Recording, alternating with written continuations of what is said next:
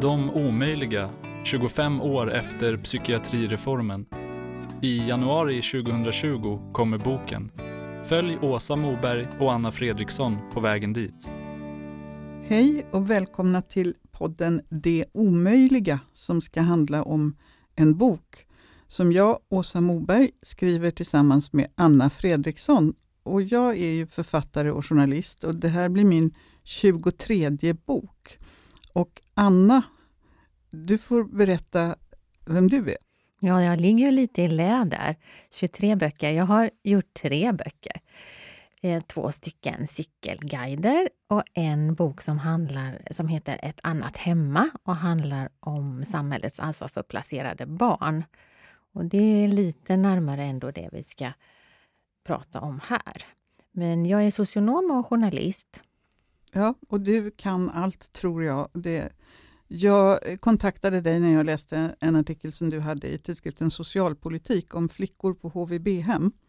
För då kände jag att du såg på det här på samma sätt som jag. Eh, det omöjliga är nämligen eh, de här människorna som mm, samhället på något sätt inte klarar av att hantera, eller så är det människorna som inte klarar av att hantera samhället. Men de problem, problemmänniskorna, det, och vad gör vi alla med dem?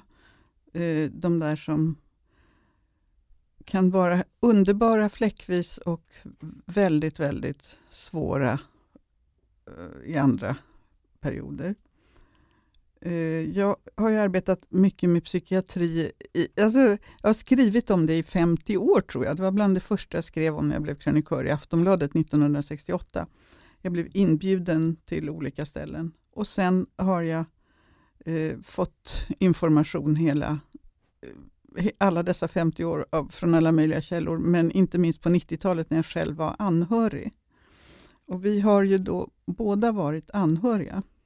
Ja, och det är en eh, bra och väldigt jobbig erfarenhet och någonting som man nog inte vill vara... Alltså man är mycket mer än anhörig, även när man är det. Men eh, tack vare att jag hade skrivit också mycket om psykiatri och om psykisk hälsa och ohälsa innan jag blev anhörig, det hjälpte mig ändå för att hade jag inte haft den erfarenheten så hade jag trott att det som vi råkade ut för, det hade någonting med, med oss att göra. Att det var verkligen vi som var fel. Men eh, jag hade hört samma och liknande saker från många andra tidigare.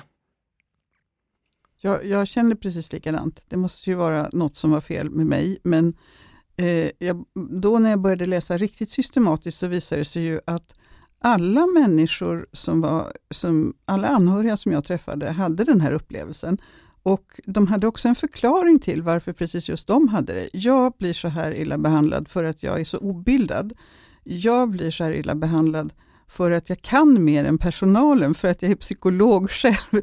Jag blir så här illa behandlad för att jag är läkare själv. Det var, alltså, alltså på alla nivåer. Och jag ska inte tro att jag får några förmåner därför. Och tills jag läste Gro Harlem Brundtlands memoarer, um, Dramatiska år tror jag den delen heter, där hon berättar om sin son som tog sitt liv. Och hon berättar att hon blev så illa behandlad därför att hon skulle inte tro att hon var något särskilt för att hon var statsminister, i Norge var detta. Hon var statsminister och hennes utbildning var en läkarutbildning. Så hon skulle minsann lära sig att här finns det inga specialregler. Och det är ju, detta är tyvärr en alldeles för vanlig upplevelse. Eh, jag tog kontakt med dig för att jag ville skriva någonting där man skulle kunna förklara varför är det så fruktansvärt svårt att förändra psykiatrin, att revolutionera människosynen i, i psykiatrin. Vi eh, kommer ju under det år som vi ska arbeta med det här projektet säkert att kunna komma på vad det är som gör att detta är så omöjligt. Och vi har ju tänkt då att vi ska träffas och göra en podd en gång i månaden under arbetets gång. Och för mig är det något helt nytt. Jag, jag har skrivit många böcker, men jag har aldrig pratat om dem under arbetets gång. Nej, det är ju lite spännande. Varför, Varför har det varit så hemligt när du har gjort dina tidigare böcker? Eh, det är någon sån där föreställning som många författare har om att allt blir förstört om man pratar om det. Och så kan det ju vara. Eh, min förra bok som heter Livet och som kom 2017, den var en bok om mitt eget liv. Och det vågar inte jag säga att jag ens höll på att skriva om förrän i princip jag hade skrivit klart, alltså boken var klar. Så jag, jag, ingen av mina närmaste fick överhuvudtaget nämna det, de få som visste det. Så det, det känns som en mer normal process.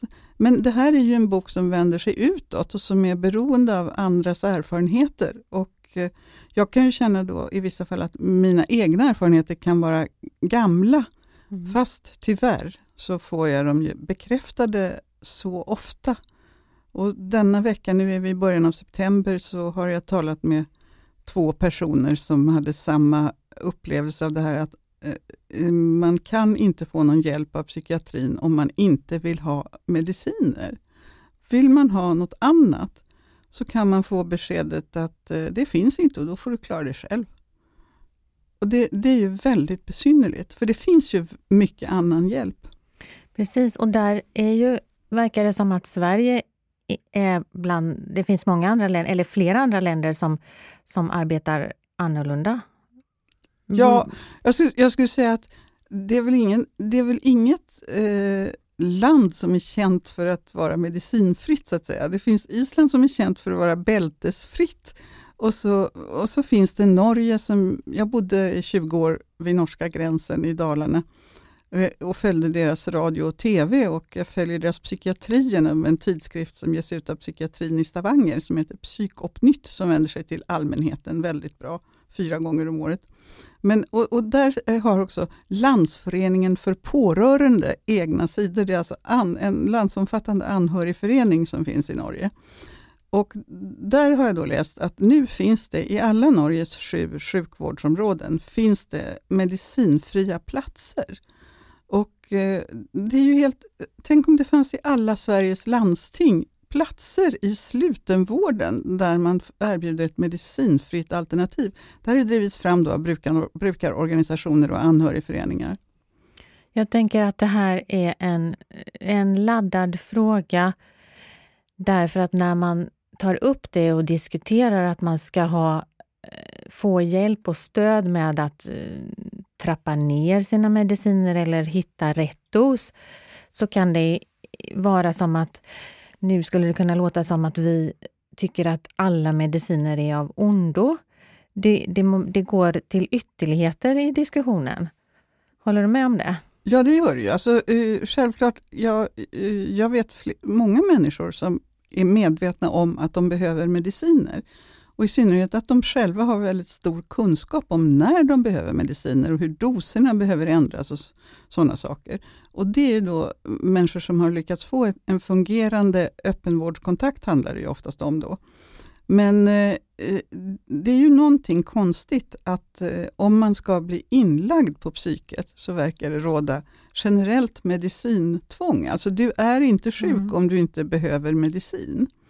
Och det är ju nog så att många människor behöver någonting helt annat. Och medicinerna har ju, alla vet ju att de har biverkningar, men en, en vanlig biverkning av antidepressiv medicin är ju viktökning. Mm. Och den jag talade med häromdagen så, då talade om en viktökning på 18 kilo på 3-4 månader. Och att vården inte reagerar på det, det tycker jag är väldigt märkligt. Rebecka Anserud har jag eh, intervjuat eh, i en boktext, och, så den har hon kollat och godkänt. Hon, gick, hon vägde 55 kilo och hon är en debattör i psykiatrifrågor som många känner till. Hon, hon, vägde 55 kilo när hon blev psykiatripatient och gick upp 55 kilo på ett år. Mm. Och sen har hon gått ner dem igen. Men visst är det märkligt att inte vården reagerar? Detta är ju en märklig effekt. Därför att det man gör då om man går upp så mycket vikt är att man skaffar sig en ytterligare funktionsnedsättning eftersom det är väldigt farligt att gå upp så i, i vikt. Ja. Och det kan vara en, en anledning till att, att eh, människor med psykisk ohälsa har, eh, lever kortare tid. Mycket kortare. Nu, nu talar vi inte om några år utan om 20 år snarare. Det, det är väldigt stora tal. Och när du kommer och är ung person och säger Ja, jag känner mig tveksam till att ta den här medicinen för att jag, jag vill inte gå upp i vikt. Eh, och då man då får svaret att ja, nu får du välja mellan att ta den här eh, ja, och ta det. Det är biverkningar som, som du får stå ut med. Och att inte få, få hjälp då, det är ju... Ja, det är klart att man blir väldigt ledsen när man hör det. Ja, och eh, som an, de som kontaktar mig är ju anhöriga då, som, som är verkligen rätt förtvivlade och säger, vad kan vi göra? Och då har jag tyvärr inte haft något gott råd. De enda jag känner som arbetade systematiskt med att hjälpa människor ut ur eh, uh, läkemedelsbruk eh, och läkemedelsmissbruk, det var ju en uh, verksamhet som heter Kilen som fanns i Stockholm Eh, det var eh, Lena Westin, sjuksköterska och Jan Albinsson, psykoterapeut. Och de eh, var jätteduktiga på att ge människor stöd och, utan inläggning. Alltså. Men, men eh, deras anslag, de hade både statliga medel och landstingsmedel och andra, men de försvann ett efter ett tills det blev ingenting kvar. Och Det är också mystiskt. Det här, det här är ju eh, en av de saker som vi kommer att ta upp i, i boken. Eh, och, eh, men vi kommer att börja i en annan ände, eller hur? Var, var, hur börjar vi? Ja, alltså eh, den, vi kommer ju att göra en, en liten historisk utblick och eh, tyngdpunkten kommer att ligga då på de 25 år som har gått sedan, den här boken har planerad utgivning 2020 och då har det gått 25 år sedan psykiatrireformen in, infördes i Sverige. Och eh, det, det, en, det finns ju en intressant och sorglig historia om den svenska mental, de svenska mentalsjukhusen, och deras framväxt och storhetstid och nedgång och fall. Och, alltså från eh, 34 000 platser tror jag såg att det var, eh, om det var på 70-talet, när det var som mest, och nu är vi nere kring 4 000. Och då tror jag att en fjärdedel av dem är i rättspsykiatrin. Jag förstod inte förrän jag började skriva om det här 2005 eh, i en bok som heter Vara anhörig, att rättspsykiatrin är en del av landstingens verksamhet och inte hör till kriminalvården, för det hade jag alltid utgått från. Det, men det, det säger någonting, tror jag, om hur psykiatrin har förändrats. Alltså människor måste vara galnare och galnare för att få hjälp. Mm. Och i den eh, cirkusen så är det många som inte skulle behöva begå brott, men som hamnar i brottslighet. En amerikansk psykiater har, har sagt att eh, han heter Alan Francis, att han anser att 350 000 psykiskt sjuka amerikaner gjordes till kriminella eh, när den här processen eh, pågick i USA då i slutet av 1900-talet. Alltså en gradvis nedläggning av institutionerna. Den, den utvecklingen har ju varit i alla länder. Mm. Man kan, det kanske är så att man måste titta tillbaka för att, för att förstå var vi är idag. På många sätt är det mycket bättre idag och på många sätt är det väldigt dåligt idag. Ja. För att förstå den paradoxen. Eh, alltså det, som, det som jag aldrig kommer att förstå det är ju att de här experterna som har som yrke att lösa andra människors problem, alltså det är ju formellt och officiellt deras roll i alla fall, att de inte kan lösa sina egna interna konflikter inom vad ska man säga, psykiaterkåren, för att ta då den tongivande rollen i den här verksamheten psykiatri, alltså, psykiatri, jag flyttade till Dalarna 1980 och då pågick det närmast ett inbördeskrig på Säters sjukhus som jag då bara hade kontakt med som journalist och jag hade några enstaka patientkontakter. Och, men jag hörde om dem i Radio Dalarna nästan varje dag. För då var det en psykoterapeut som hette Barbro Sandin som trodde att man kunde behandla eh, schizofreni med samtalsterapi och det ledde till en helt frös vrede i psykiaterkåren. Det var ju väldigt märkligt. Jag kunde ju vara glad då, i början av 90-talet när en av de mest Sandinfientliga läkarna som hette Kurt Eklund, nu pensionär tror jag han är, jag menar han är inte verksam i alla fall, att, han, han, eh, eh att jag inte hade angripit honom offentligt för att han blev då min sambo Adam Insirigombos första läkare. Mm. Så det, man har ju som, som anhörig har man en utsatt roll och vågar inte kritisera. För att, alltså, gör man det så är det stor risk att det drabbar den som är patient. Ja, och den rädslan finns i alla fall alltid med. Jag tänker att Adams bok, av dina 23 böcker, så Adams bok, den är helt slut, eller hur? Den får man låna på biblioteket. Ja, men det, pocketutgåvan ska börja tryckas igen. Mm, den, vad tog bra. slut, alltså den har faktiskt funnits ända till förra året. Så att, eh, jag hörde att den skulle komma tillbaka till hösten. Det är ju roligt. Alltså, den har ju blivit väldigt uppskattad fast innehållet är ju sorgligt. Mm. Och då kan, vi kan ju passa på att ta den här frågan som jag alltid får när den boken kommer upp. Hur är det med Adam idag? Lever han? Och då kan jag säga att det gör han. Och genom att han har fått, han är eh, 78 år och genom att han har fått kroppsliga krämpor så tycker jag på avstånd att han är mycket bättre omhändertagen. Därför att en psykiatripatient kan man liksom lämna vind för våg. Om den säger jag behöver ingenting, jag behöver ingen hjälp, så kan den bli utan. Medan en, en hemtjänstklient kan man inte lämna vind för våg.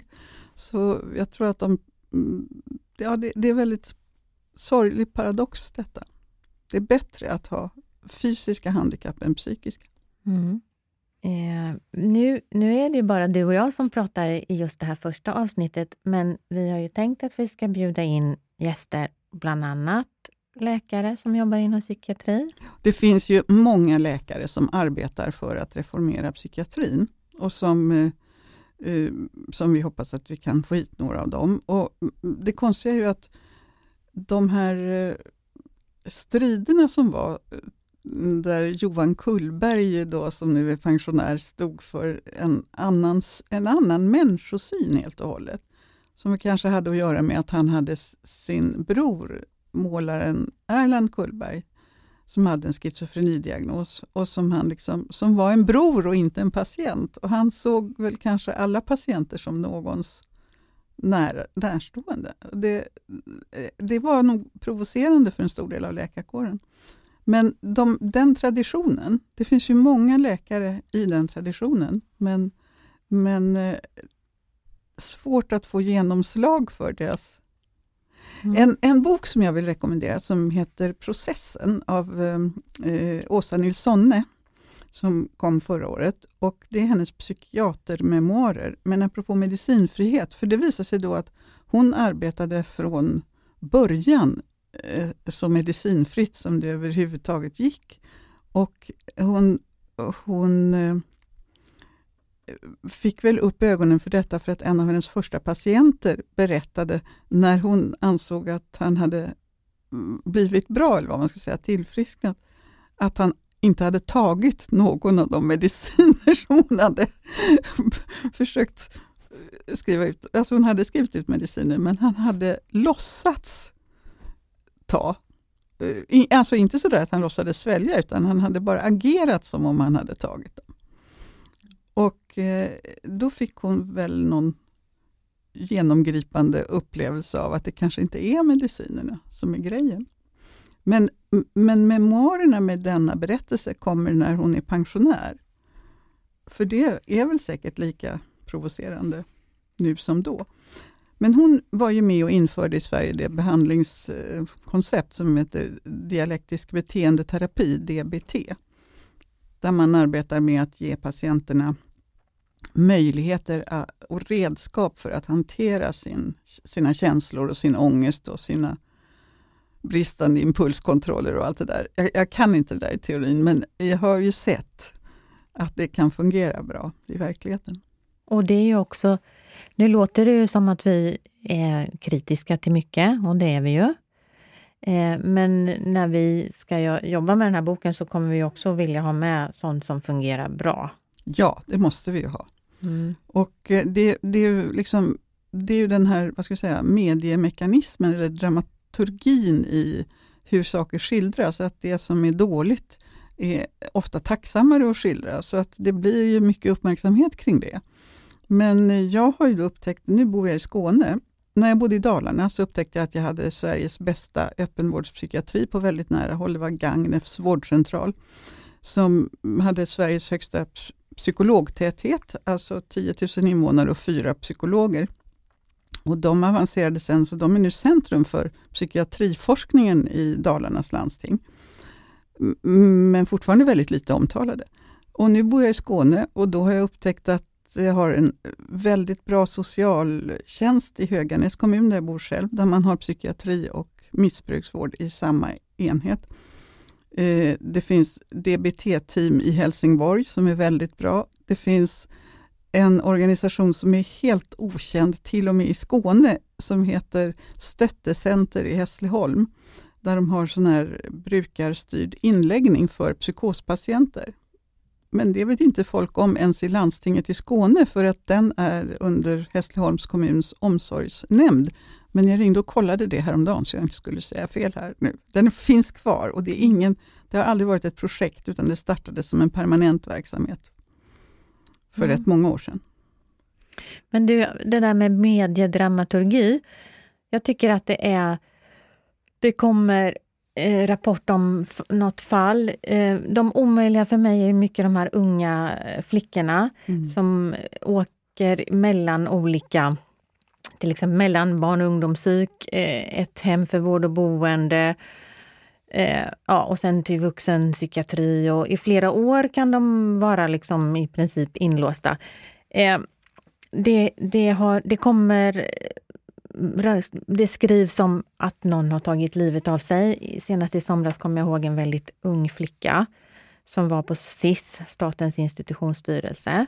Var det det här fallet Josefin? Eller? Det var in, Josefin är ett annat Va? fall. Det var, det var kanske förra året? Nej, det var lite innan. Det mm. var också i, i närtid där. Det var två, få mycket så här, man blev väldigt eh, upprörd och ledsen när man hörde om hur fel det hade gått och att alla instanser verkligen betraktade de här unga personerna som omöjliga att hjälpa och vårda.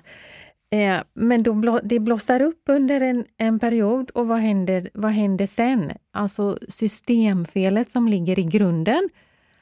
Ja, det är inte det vi pratar om ändå. Nej, och systemfelet är väl eh, maktfrågan alltså. Att eh, man måste börja lyssna mer. Och det tycker jag att eh, RSMHs tidning Revansch skriver väldigt fint om i sitt senaste nummer, som Anna Langset, redaktör, chefredaktören, skriver där i sin ledare, om stöd som erbjuds till svårt sjuka personer. Men om man är tillräckligt svårt sjuk så har man svårt att ta emot stöd. Eh, och eh, till exempel stöd på datorn är dock ingen hjälp för de som saknar fungerande datorer eller datakunskap.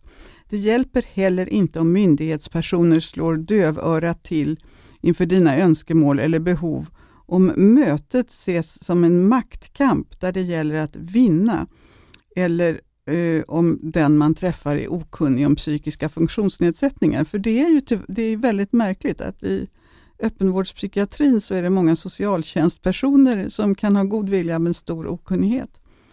Och eh, då kan det, det, det slarvas och det, ja du vet den här, du måste lära dig komma i tid. Mm. liksom, mm. Om man har ett funktionshinder eller en psykisk eh, diagnos som gör att det är ett av livets problem, måste man ju börja i den änden. Man måste möta människan där den är. Mm. Det är för mycket av att uppfostra bort... Eh... Ja.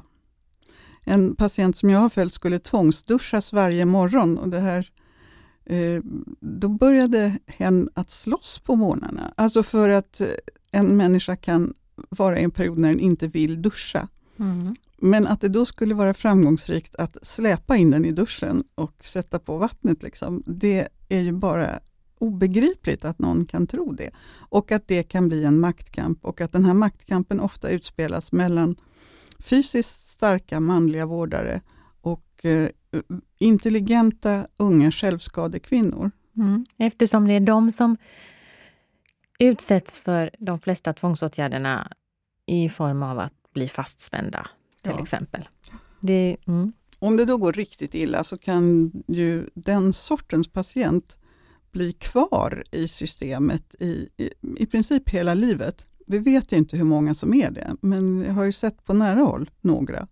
Mm. Både, både eh, män och kvinnor, som i princip hålls kidnappade i skogen och, och de här HVB-hemmen som är någon slags slutstation, de ligger ju långt från allting. Och bara det är ju så underligt. Om man gör ett LSS-boende, då finns alltså för fysiskt handikappade människor,